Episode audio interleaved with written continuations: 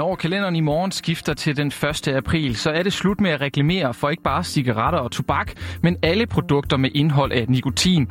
Og samtidig er det også slut med salg af snus, tykketobak og nikotinposer til alle under 18. Noget, der ellers er blevet mere populært blandt de unge her de senere år, også efter at der er kommet rygeforbud på skolerne. Men hvorfor skal reklamerne og salg forbydes, og er de her nikotinposer farlige, når der ikke indeholder tobak? Ja, det ser vi nærmere på i Indsigt i dag. Mit navn er Martin Sodemann. Det næste punkt på dagsordenen er tredje behandling af lovforslag nummer L61. Forslag til lov om ændring af lov om forbud mod tobaksreklamer med videre, lov om tobaksvarer med videre og lov om elektroniske cigaretter med videre og forskellige andre love. Ja, et lovforslag, der er designet til at ramme bredt og slå hårdt ned på de trends, der har erstattet rygning blandt særligt unge. Det skulle også behandles flere gange, inden Folketingets formand Henrik Dam Christensen endelig kunne sende det til afstemning. Ja, og med lovforslaget der foreslås det altså, at tobaksvarer, andre nikotinprodukter end tobaksvarer, urtebaserede rygeprodukter og elektroniske cigaretter ikke må være synlige for forbrugere på salgsteder herunder på internettet, indtil en kunde efterspørger dem. Afstemningen slutter. 84 for, 12 imod, ingen hverken for eller imod. Lovforslaget er vedtaget og bliver sendt til statsministeren. Ja, og snus, snulle, skive og dags, det er jo altså nogle af de udtryk, unge bruger om det her forholdsvis nye produkt, nikotinposer. Og fra 19 til 20, der skete der en fordobling i antallet af forbrugere, ifølge rapporten Danskernes Rygevaner 2020. Men for mange der er nikotinposer stadig et ret ukendt produkt, og det kan altså bedst sammenlignes med snus og tykketobak. Der er dog en øh, forskel. For både snus og tykketobak indeholder jo tobak, mens nikotinposer ikke gør. De indeholder primært nikotinsalte. Og snus, som vi kender det fra Sverige, det er jo ulovligt at sælge i Danmark. Men selvom nikotinposer, snus og tykketobak er sådan tre forskellige produkter, jamen så falder de ofte ind under den samme betegnelse, nemlig snus. Og fordi nikotinposerne har været lovlige at reklamere for, og kommer i mange frugtige smagsvarianter, og også et billigt alternativ til tobak, jamen så er det altså blevet nemt for tobaksfirmaerne at sælge løs af det.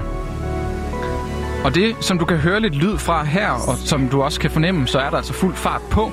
Det er en af reklamerne fra det danske firma Ministry of Snus, hvor der vises rundt på deres fabrik, og der altså også bliver pakket dåse på dåse. Og det er altså også en af grundene til, at der slås så hårdt ned på markedsføring af de her produkter, fordi de netop har rigtig meget appel til særligt unge. Tilbage i februar var der fyldt med reklamer for nikotinposerne på Instagram og Facebook, og derfor så kiggede mine kolleger på feedet lidt nærmere på det her fænomen. Ja, og i den forbindelse, der snakkede de altså med Danmarks første professor i tobaksforbyggelse, Charlotte Pissinger. Og selvom ideen med at holde tobakken ude af de her snusposer er ærligt talt ret smart, fordi de jo omgår meget af det her nuværende lovgivning. Nikotinposerne, de øh, lægger sig sådan et sted mellem to stole. Det er hverken øh, tobaksprodukter og heller ikke lægemidler. Så derfor så er de sådan ligesom faldet uden for lovgivningen. Øh, så det har været muligt både at føre almindelige, sådan gode gammeldags reklamer, og øh, det er også muligt at sælge dem til mindreårige. Øh, man kan putte alle mulige lækre smagstoffer i, så de smager slik. Ja, så det appellerer, det er let tilgængeligt, og der er masser af smagsvarianter, og de hører ikke under de samme regler som anden tobak. Og det var altså også nogle af de her ting, der lokkede 28-årige Mads Weber til at prøve de her nikotinposer. Første gang, jeg stiftede bekendtskab med det, det var i gymnasiet, tror jeg, hvor der gjorde det egentlig meget let, øh, fordi ja, det var der nogle andre, der begyndte på, og det var, det var nyt og spændende. Øh, jeg begyndte rigtig på det efter øh, mit sabbatår, hvor jeg var ude at rejse, hvor at, øh, vi var i Sydøstasien, og der kan man jo få nogle rigtig billige cigaretter, øh, få en pakke cigaretter til 7 kroner, og det, det benyttede jeg mig af, og, og, og røg fem cigaretter om dagen eller sådan noget, og, øh, og det var jeg godt klar over, at det skulle, det skulle stoppe, så snart jeg kom hjem. Og så, øh, ligesom for at, at stoppe det, så, så begyndte jeg at, at tage lidt mere snus, da jeg kom hjem på det tidspunkt så, øh, så retfærdiggjorde jeg nok lidt mere, at det var et hjælpemiddel. Ja, nu fortæller Mads jo om, at han gik fra poserne til rygning, og så tilbage til poserne for at afvende rygningen. Men ser man på tallene, så er det altså ikke noget, der taler for, at det skulle hjælpe. Vi har nemlig set lidt nærmere igen på den her rapport, Danskernes Rygevaner 2020. Og det viser altså blandt andet, at personer, der bruger de her nikotinposer, de angiver, at, øh, eller faktisk så er der en tredjedel af dem, der angiver, at de er meget afhængige af nikotin, mens 42 procent øh, svarer, at de er lidt afhængige af nikotin. Og det er altså også derfor, at man fra kraftens bekæmpelseside frygter de her poser leder til rygning. Det fortæller cheflæge Nils Krohmann. Det er i hvert fald afhængighedsskabende, forstået på den måde, at nikotin er et af de allerstærkeste afhængighedsskabende stoffer, der findes. Faktisk har undersøgelser vist, at nikotin er mere afhængighedsskabende end både morfin og heroin. Det mest kritiske omkring de her nikotinposer er, at øh, rigtig mange, som starter med at få nikotin via nikotinposer, de fortsætter med at begynde at ryge. Og så får du alle de skadelige effekter af, af tobak. Så det kan på en eller anden måde, eller det er for mange en, kan du sige, en brobygning, hvor man starter med nikotinposer, og så ender man med at ryge. Ja, ifølge Niels Krohmann her, så mistænker man, at brugen af nikotinposer kan føre til kraft i mundhulen, i svælget, i spiserøret og i busbødskirtlen. Men der findes endnu ikke nogen solid evidens for det her, fordi der går mange år fra man starter med at bruge poserne, til man får en af de her kraftsygdomme. Og øh, derfor så er forskningsresultaterne altså stadig usikre. Men de her mulige konsekvenser er alligevel noget, som Mads han er opmærksom på. Hvis man læser ind på, på Knæk Cancer, så er der jo meget, øh, altså der ikke er evidens for endnu. Der er mange, der siger, at det er kraftfremkaldende og sådan noget, men, men for eksempel svensknus er der ikke noget, som, øh, som jeg har forstået det, entydigt evidens for, om det er, det er kraftfremkaldende. Så ja, altså, jeg synes, jeg tænker over konsekvenserne, men, men der er jo den helvedes risiko, at der er noget med noget tandkød, der, der trækker sig tilbage, og nu går jeg jo også til tandlæge en gang imellem, og, og, og jeg, jeg er også lidt ops på at, at, at fortælle ham, at, at, at jeg tager snus, og om han kan se det, og, og hvordan har det øh, Jeg ved ikke, om min, min tandlæge han er lidt uh, biased, fordi han er, han er fra Sverige oprindeligt, men men han kan i hvert fald ikke se noget. Øhm, men som sagt, altså, jeg, er jo, jeg er jo klar over de, de bivirkninger, det kan have, men jeg må også erkende, at det er noget, jeg, jeg nyder at gøre, og øh, jeg ved jo godt, det er en last, og det er afhængighedsskabende.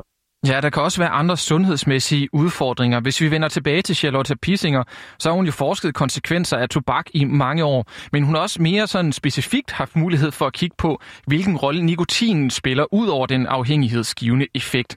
Og ifølge hende så er der en stigende evidens for, at nikotin det kan skade den umodne hjerne og øge risikoen for kognitive skader, opmærksomhedsforstyrrelser, angst og depression. Men trods de her potentielle farer, jamen, så tror Mads faktisk ikke, at det kommer til at gøre en stor forskel at det nu bliver forbudt for de unge under 18 at købe de her nikotinposer. Det havde de i hvert fald ikke gjort for ham selv. Hvis jeg skal sidde og reflektere tilbage, så, så den alder, der var der jo en, en vis øh, symbolsk værdi i at kunne få fat på noget, man faktisk ikke måtte få fat på. Det, det at kunne købe noget, man ikke måtte købe, havde også, det, det var lidt, øh, ja kan man sige, øh, sejt, uanfægtet hvor, hvor dumt det må lyde, så var det i hvert fald sådan en tankegang, man havde dengang. Ja, og til trods for det her, jamen, så synes Mads egentlig at umiddelbart alligevel, at de her nye regler, det er noget, der er potentiale i, og at det godt kan gå hen og være en god idé. Hvis det kan gøre, at der er færre, der vil tage det i fremtiden, så synes jeg bare, man skal gå amok. Det kommer ikke til at gøre noget ved misforbrug. Nej, men ser man sådan generelt på indsatsen mod tobak, så er der måske håb for, at den her nye lov den kommer til at virke. Erfaringer viser nemlig, at det virker at skjule smøgerne, for siden Selling Group som de første i 2018 valgte at gemme cigaretterne væk på eget initiativ, så er der røget 116 millioner færre cigaretter over disken i Føtex, Netto og Bilka. Og generelt, jamen, så er kampen mod tobak og nikotin en, der har taget til de senere år, med handling fra både organisationer og politikere, som den her lovændring, der altså indtræder 1 april, vi, vi også skal se her. Men også tilbudene til dem, der ønsker at stoppe med at ryge, eller bruge nikotinposer, eller snus, eller anden former for tobak, er ligesom fuldt med. Eksempelvis så er der den her app, som gennem flere år har hjulpet danskere til rygestop, som nu skal til at hjælpe dem med at komme af med blandt andet snus-nikotinposer som en afhængighed. Appen, der hedder eQuit, er udviklet af Apotekerforeningen i samarbejde med Kraftens Bekæmpelse, Sundhedsstyrelsen og Københavns Kommune, og tilbyder altså både kurser, men også bare hverdagsting, du kan gøre for dig selv for at hjælpe med at afvende dig fra nogle af de her produkter. Og med det, jamen, så nåede vi faktisk til enden på Indsigt for i dag. Programmet det var sat sammen med Henriette Kamp og Laura Brun, og det blev fortalt af mig. Mit navn det er Martin Solmand.